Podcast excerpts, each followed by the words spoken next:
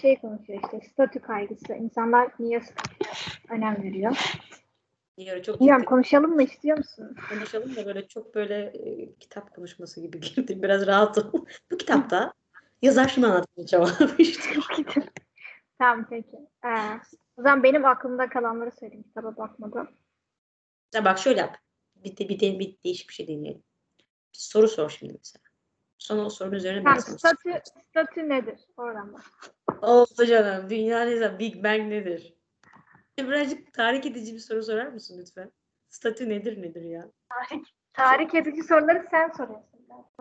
Şöyle şu yazdığın notlara bir bak. İki dakika. Bir tahrik edici soru çıkarmaya çabala oradan.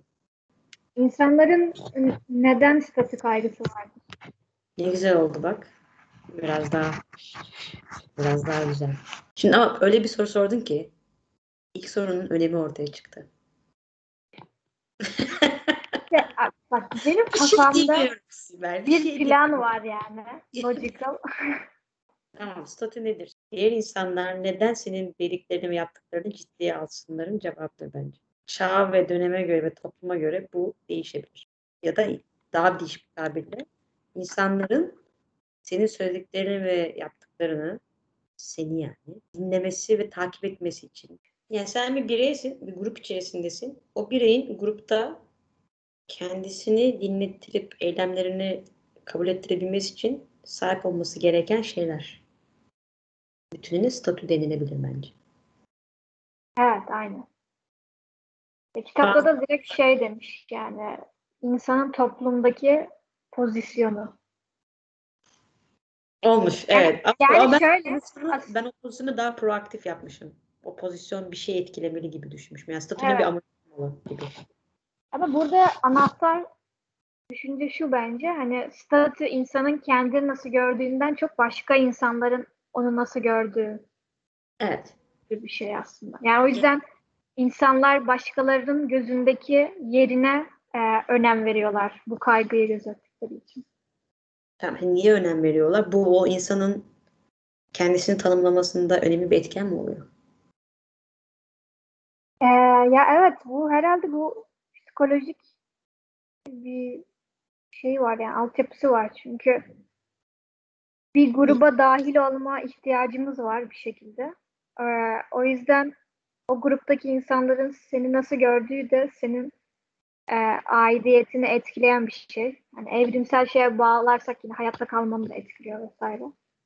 Ee, o yüzden o toplum statüyü nasıl tanımlıyorsa e, sen de şey ya da bulunduğun grup top, statüyü nasıl tanımlıyorsa sen de ona göre kendini değerlendiriyorsun ve o kaygıyı yaşıyorsun. Ee, ya mesela sen arkadaşa şey mi demiştin bizim yazarımızın söylediği statüs.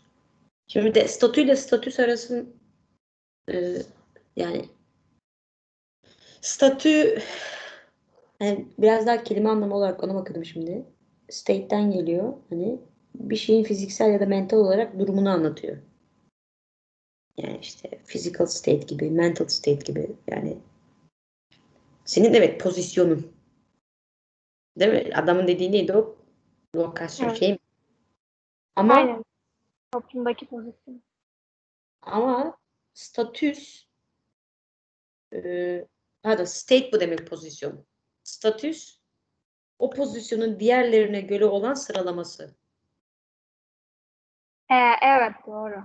Yani Dolayısıyla- hiyerarşik bir yapı var yani. Aynen.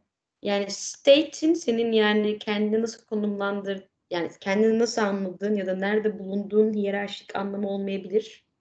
Ama hiyerarşik bir anlamı varsa statüsün sanki biraz daha böyle bir üst alt ilişkisi yaratıp Evet evet şey, evet. şey akmasını sağlıyor. Yani bilgi ise bilgi, para ise para, saygı ise saygı. Zaten şey statüsten konuşurken hani high status, low status diye aşağı yukarı şeyine e, pozisyonu yani o anlamda belirliyoruz. Statüs kod aklıma geldi de statüs koda galiba ko nereden geliyordu? Şey ko da galiba şey e, durum demek durumun devam etmesi. Yani durumdaki hiyerarşik yapının devam etmesi. Hani state değil de statüs Evet. ko hani var olan şey durum statüsün o hiyerarşik yapının devam etmesi, statükoyu korumak. Evet, evet. Neyse şey tamam okey bu e, etimolojik merakımdan sonra geçebiliriz, devam edebiliriz.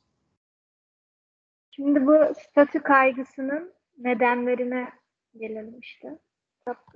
Onu şey yapmış yani. Statü kaygısının nedenleri sonra çözümleri ne olabilir vesaire. Ee, işte bir şeyden bakıyor. Statü kaygısı ne demek? Hadi bakalım. Hak ettiğin state'inin kendini konumla hissettiğin yerin hak ettiğin statüye sahip olmaması durumu mu? Yani se- olabilir. Evet. senin bir durumun var, bir pozisyonun var. Va- şu anki durumun. Onun statüsünü beğenmemen ya da beğenmen. Evet. Ol- olmak istediğin yerde olmaman ve e, olmak istediğin yere ulaşmak, ulaşmaya çalışırken yaşadığın kaygı. Burada da galiba statüyü belirleyen şey diğer insanların onayı çünkü değil mi? Evet. Olarak. Ya da pozisyonunu kaybetmemek. Yani ya şu anki pozisyonunu beğenmeyip yukarı doğru çıkmak için bir kaygın var. Ya da hani şu anki pozisyonun bir stabil değil ve her an aşağı düşebilirsin kaygısı. İşte şey çok ilginç değil mi? İnsan pozisyonunu nasıl hissediyor? İnsan taktik görmesi mi? Ya da sosyal medyada beğeni sayısı mı? Oy verirsin sana. Vallahi o da dönemden döneme değişiyor. Bence şu anki çağımızda kesinlikle şey ne kadar like aldığın, ne kadar retweet edildiğini vesaire. Ya da şey de çok ilginç. Toplumun e, şeyi anlamaya çalışıyorum bu arada. Statü kaygısına gelmeden önce kimlere statü veriyoruz? Ya da statüsü varmış gibi algılıyoruz. Hangileri her dönem aynı kalıyor. Bence genel olarak insanlar hep yaşlılara gençliğe göre daha fazla veriyor. Çünkü yaşanmışlık deneyiminin bir relatif doğal doğal doğal anlamıyla yani yaşla gelen bir şeyin e, relatif bir statüsü yarat, statü yaratıyor. Öyle değil mi? Yani daha fazla şey görüyor, daha fazla şey biliyor. Bu yaşlılara saygı duyuyoruz o yüzden. Onların statüsü yüksek olmuş ve hep statüsü en yüksek olan ilk çağlardaki yöneticiler, bilmem neler hep genelde grubun en yaşlısıymış. Yani camilerde bile genelde imam en yaşlısı. Çok ilginç değil mi? Yani çünkü o yani doğal bir şey gibi oluyor. Grubun en yaşlısı seçiliyor. Ya da padişahlarda uzunca bir süre e, en yaşlısı seçiliyor. Sonunda kuvvetli padişah olup birbirini öldürmeye başlamış. Evet. Şeye bakıyordum. Kitapta böyle her dönem e, farklı bir meslek ya da farklı bir durum e, statü olarak daha yukarıda yapıyor, gözüküyor falan diyordu. Mesela işte orta çağda din adamları statüsü daha yüksek. Ve e, yine eski ya bir dönem şövalye mesela asker olmak. Şu an mesela parası olan meslek yani şey iş adamları. Ama bu hep böyle değildi yani. Hep parayla doğrudan ilişkisi yoktu statünün. Yani daha böyle ilkel zamanlara gidiyorum. Hiç parası şövalye falan gibi bir şey olmadığı zaman yaşlı ve güçlü olanlar fiziksel olarak. Daha statü Aynen olmadığı- fiziksel olarak güçlü olanlar yani. işte mağara şey avcılık toplayıcılık Evet, çünkü yaşadığın dönemdeki var olmanı ve statükonu yani top, grubun statükosunu korunmasını sağlayacak olan iki bilgi var bence. iki yapı var. Bir tanesi deneyim yani bilgiyi kaydedemediğin için o bilgiyi hafızasında taşıma ihtimali yüksek olan yaşlılar daha kıymetli. Hangi işte e, mantar zararlı, hangi bölgede su var falan gibi bilgi yaşlıda olma ihtimali daha yüksek. Wikipedia gibi adam yani. Ya da kadın. Bir de güçlü olan o da dışarıda saldırı uğradığı zaman koruma ihtimali daha yüksek. Yani uzun boylu güçlü falan neyse. Ama zamanla bilgi kağıda geçmeye başlayıp güç bireyden ordulara geçtikçe bu kağıtlara sahip olanlarla bu ordulara sahip olanlar saygı duymaya başlamış olabilir. Mesela din adamları bu kağıtlara sahip olan insanlar da genelde çağda. En değerli belgeleri falan sahiplerdi yani. E, Orduları vardı. Orduları motive edebiliyorlardı. Evet. Şimdi o kağıtlar Bitcoin oldu. Şaka, Wikipedia oldu. Bir de şeyden bahsediyor. Statü kaygısı eee, kapitalizmle doğrudan ilişkisi olması. Yani bir sistem karşılaştırması yapıyor. İşte komünizm, aristokrasi, kapitalizm falan diye. liberalizm neyse. Ee, hani böyle aristokrasi de diyelim ya da kast sisteminde e, toplumdaki yerin zaten belli ya. Yani onu değiştirme çok imkanın çok yok. Nasıl doğduysan öyle gidecek. Komünizm, yani komünizmde de e, şey eşitlik olduğu için e, daha yukarı çıkma imkanın da yok. Çünkü ya da biriyle karşılaştırma imkanın yok kendine. O yüzden öyle bir kaygın yok. Ama kapitalizmde hem eşitsizlik var hem de şu hayal satılıyor ya yani eğer istersen sen de yukarıya çıkabilirsin. İstersen sen de daha yüksek statülü olabilirsin. Ama aslında baktığın zaman bu tam da denildiği gibi değil yani. Bunun da bayağı önüne sistematik şeyler, engeller çıkıyor. Ee, ama işte o hayal satıldığı için o ka- kaygıyı çok daha fazla yaşıyorsun. Yani bir aristokrasi zamanında ki e, bir işte peasant köylü, alt sınıf köylü belki de daha mutlu şu anda orta sınıf bir şeyden, e, bir tüccardan şu anki sistemden.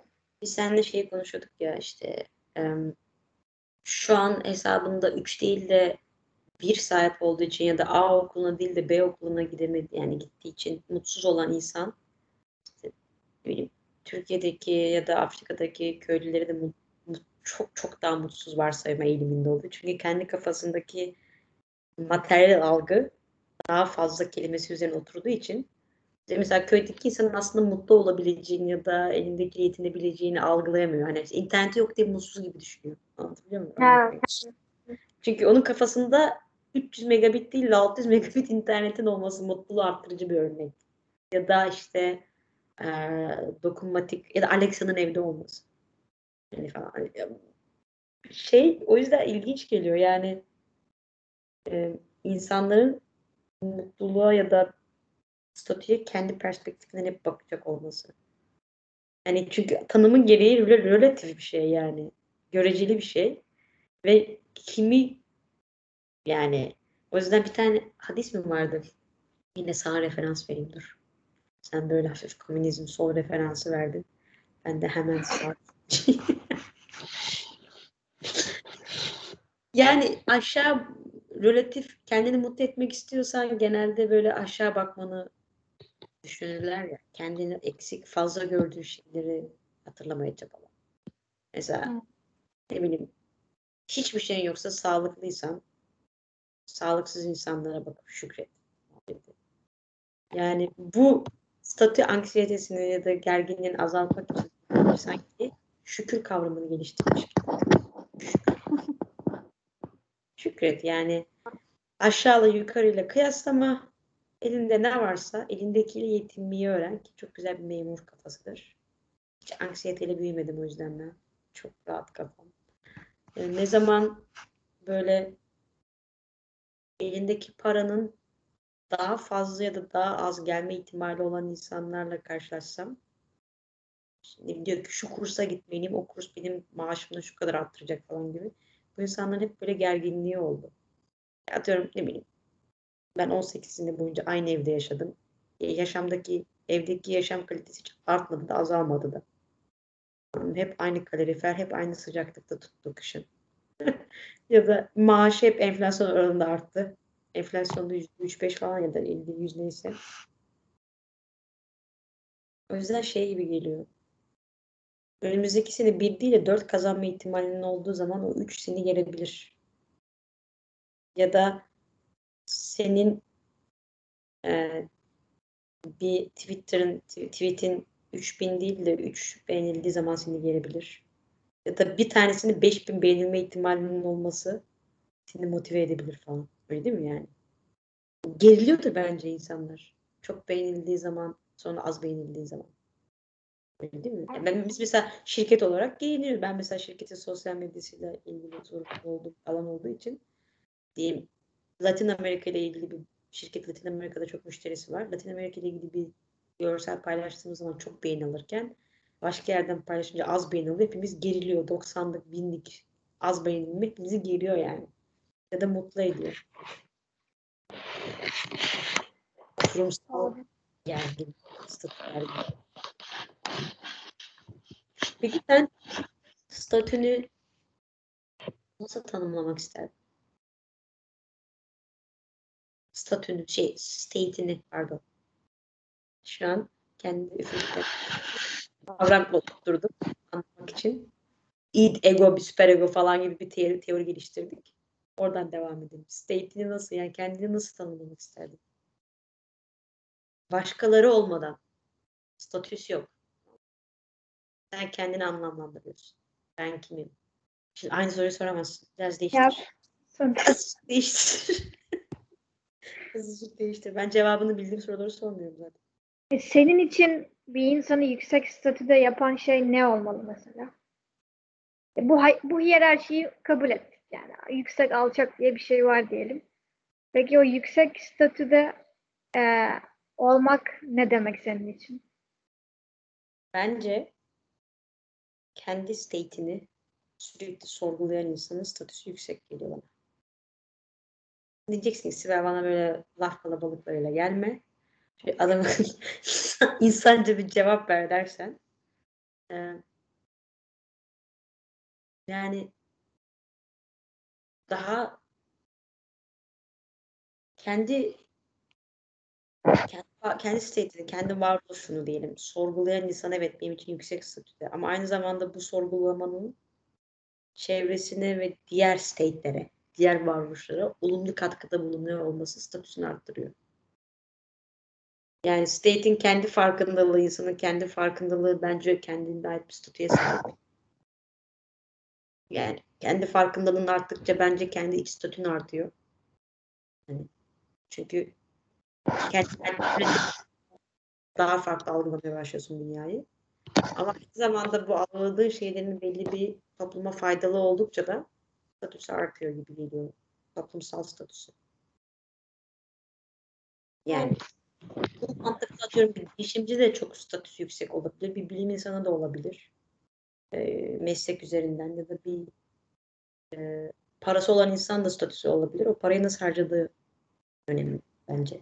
Yani ya da o parayla kendi kendini, kendi varlığını ya da yaşlı olması ve deneyimli olması belki evet bir kendi içerisinde belki hakikaten güzel bir kavram. Ama bu bilgiyi insanlara nasıl yayıyor? İyi niyetli mi yayıyor? Deneyimini paylaşıyor mu? Ya, bilmiyorum yani. Biraz çok soyut mu kaldı? Ya ben de sana benzer bir yerden cevap verecektim. Bence de ben mesela statüyü ciddiye almayan insanları daha yüksek statüde görüyorum. Yani sorgulayıp ondan sonra da bunun önemli bir şey olmadığını e, ve kendisini de ciddiye almadığını gördüğüm zaman o insanlar hakkında daha I think highly, highly of them yani daha daha saygı duyuyorum. İnsanlara. Ki insanların o şeyi ciddiye almadığını nasıl anlıyorsun kendi söylemlerinden mi? Çünkü bunu insan bilinçli olarak da böyle bir şeymiş gibi varmış gibi sergileyebilir. Yani işte kendiyle dalga geçebilmesi. Samimiyet, samimiyet Sibel'ciğim taklit edilemez. Samimiyet evet. Ya benim için mesela bir insanın kendiyle dalga geçebilmesi çok önemli bir özellik. Evet. Çünkü başkalarının onu aşağı görme ihtimalini umursamadığını gösteriyor. Bir şey. Evet. Ya da aksandan konuştuk ya mesela. Yani o o kendini aksanı yüzünden aşağılayan insanlarla yine aksan esprilerinden dalga geçmesi mesela. Yani bir yandan hem bunun aşağılamasının dalgasını geçiyor ama kendisiyle de dalga geçiyor falan. Yani o, mizah bence çok kuvvetli bir şey yani. Statü kavramını alt üst etmek. Senin aklına toplumun statü olarak şu an yaşadığımız çağda en çok değer verdiği üç şey deyince ne geliyor? Bence bir para. Ee, iki toplum derken dünya mı Türkiye? Yani bilmiyorum Mars'ta olabilir. Yani insan yani topluluk işte. Şu an 21 2021 senesinde 2021 Ya bizim bence eğitim derim yine ya. Eğitim. Bir şeye seçeceksen para, eğitim. Meslek desem çok üçüyle alakalı mı olacak? Yani Bilmiyorum. biraz hani ne diyor intercorrelation kendi arasında bir bağlantı var tabii Evet evet evet. O yüzden Hayır. yani çok farklı. Tamam şimdi üç tane üç tane kavram. Bunun üzerine birazcık daha mıncıklayayım mı? Ee, mesela aynı para aynı değerde bankada Bitcoin olması mı daha statüsü yüksek geliyor sana? Aynı değerde. Aynı değerde ev yatırımı olması mı daha statüsü yüksek geliyor? Aynı değerde e, bankada hesabında euro olması mı daha? Ya dördüncü daha var. E, aynı değerde şirketinin olması. Şirketinin hani market value diyorlar ya şirket yani. Nakit belki yok ama şirketinin toplumsal olarak bir değeri var. Böyle bir şey görmüştüm bugün de. Tesla e, diğer bütün otomotiv şirketlerinin hepsinden neredeyse onda biri kadar bir üret e, yani parası var diyelim nakit. Ama şirketlerin değeri aynı. Bütün o otomotiv hani market değeri aynı. Belki az para kazanıyor ama toplum buna saygı duyuyor. Yani market yani finansal toplum bütün araba firmalarının hepsiyle 256 milyar dolar mı trilyon tam şu an uydurmayayım bugün gördüm. Aynı değeri veriyor. Market değeri. Hani şey gibi hani Google mesela çok para kazanmayabilir ama yarın gün ben satıyorum kendimi dese onu alacak al- alırlar yani. O kadar market değeri var. Ya da bu mu? Yani şirket çok para kazanmıyor ama çok değer verilen bir e, market market değeri çok yüksek olan bir şirket. Dört tane. Hangi aynı paraya dahil? Hangisi sana daha yüksek geliyor sana? Ya, toplumun nasıl gördüğü değil de benim için mesela. Seni, seni merak ediyorum. Bana ne toplumu? ben seni anlamaya çalışıyorum. Şimdi yani parayla çok alakalı olmadığım için Yani sana daha böyle cool diyorsun? Aa, çok karizmatik geldi bana. Wow falan diyeceksin. e, bankada parası olması değil. Diğer seçenek neydi? Bitcoin. Bitcoin, Bitcoin ev, para ve şirket.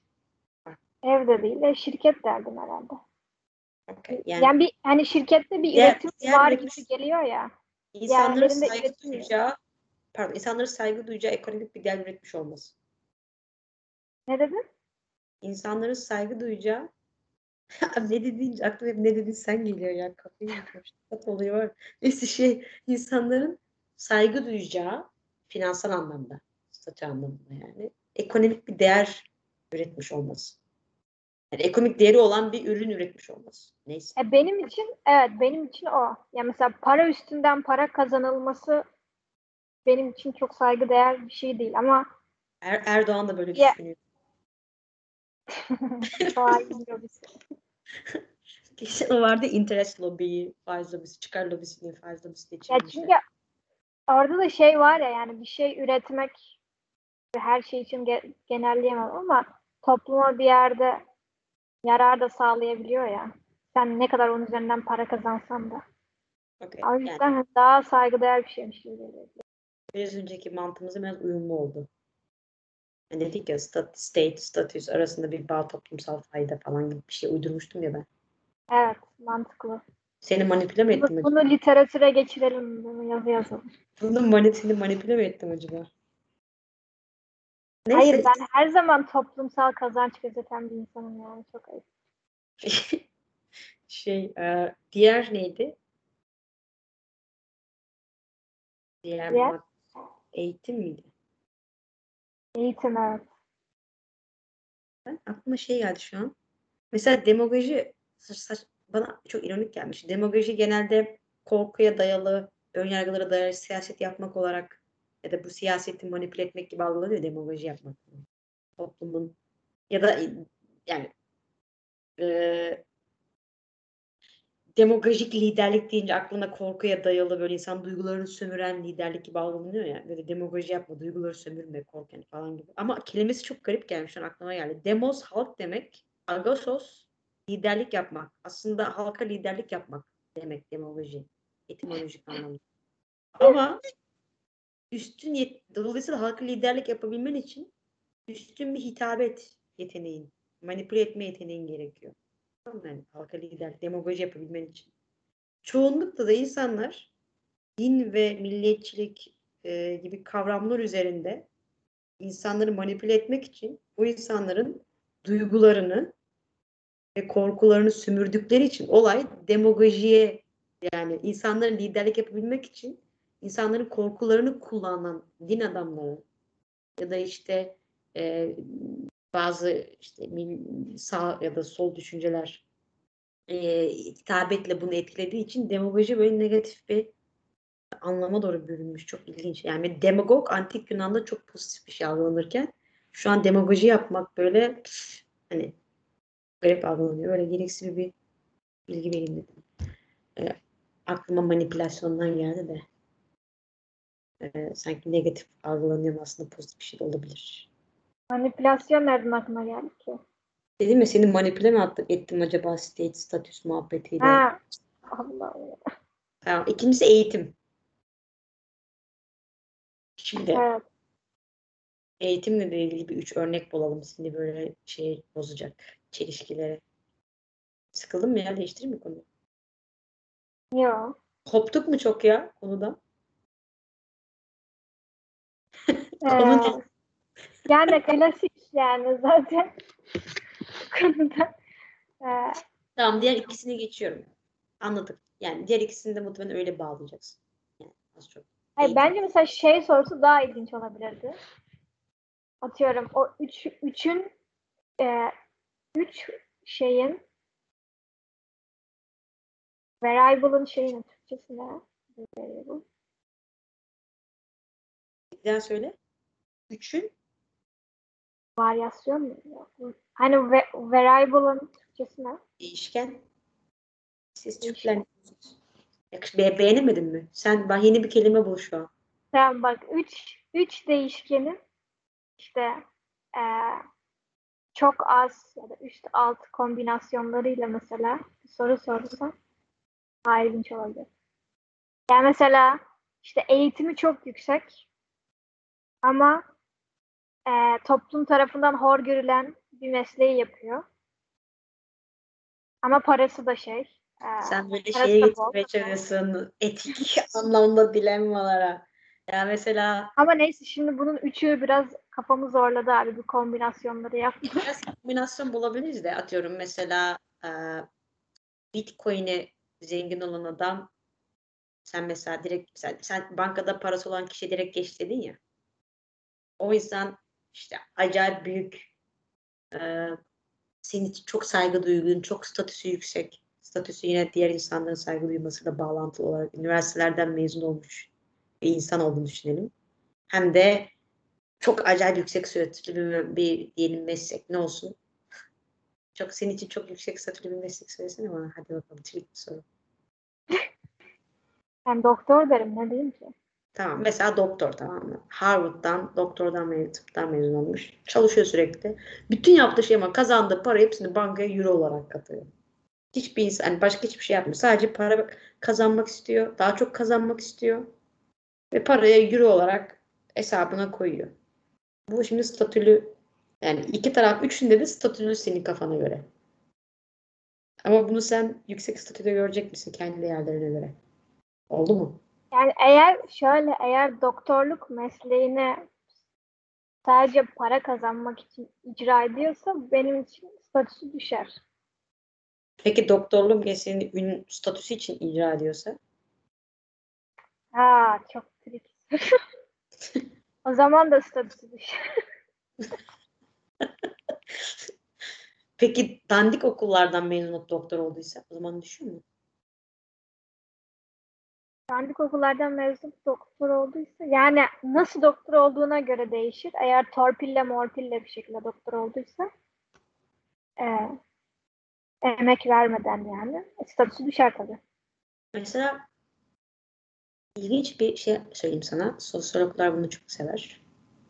Ee, insanların sosyal sınıf araştırmaları yaparken tabii mutlaka bazı gruplara sokmak zorundasın. Ve üç tane çok kabul edilen yöntem var. Bir tanesi sosyal sınıfı direkt meslek üzerinden tanımlamak.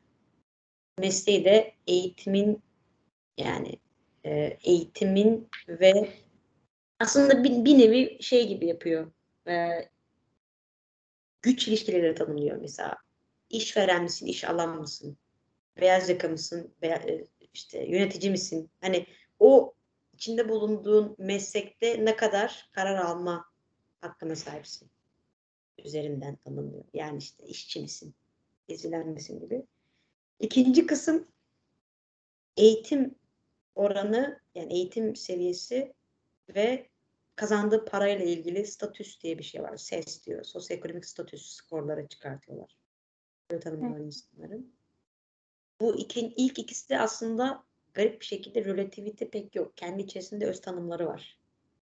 Yani eğer yüksek sınıftansan ve şu kadar fazla kazanıyorsan bu puan alıyorsun gibi düşün.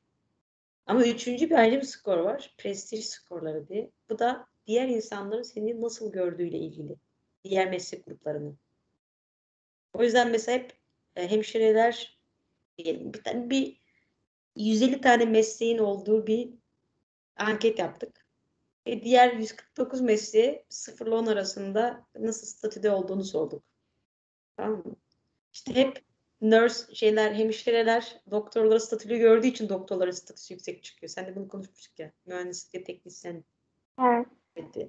Ee, hep hemşireleri de doktorlar küçük gördüğü için statüsü düşük çıkıyor. Ve diğer meslek grupları arasında da böyle ön yargılar var.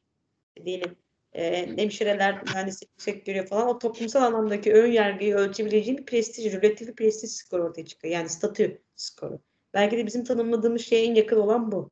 Diğer insanların, diğer meslek gruplarının senin meslek grubunu nasıl gördüğüyle ilgili ortalama bir skor ediyorlar. Ve bunu her sene ölçüyorlar. Değil, her 5 senede bir ölçüyorlar ve bunu şeyini yapıyorlar. Prestij ne kadar artıyor, azalıyor, niye göre artıyor, hangi ülkede nasıl artıyor, hangi meslek gruplarıyla ilgili analiz yapıyorlar. Bence şey çok ilginç yani bir hemşirenin doktora yani tabii ki emir alan, emir veren falan gibi bir algı var ama diğer insanların statüsünü belirleyen şeyin çoğu senin onların kafasında nasıl gördüğün ya çok enteresan. Yok çok Evet, enteresan. Değil aslında bunu konuşuyoruz da sadece bu prestij skoru diye bir şeyin yapılması enteresan yapmıştı. Bunu ölçmüşler yani.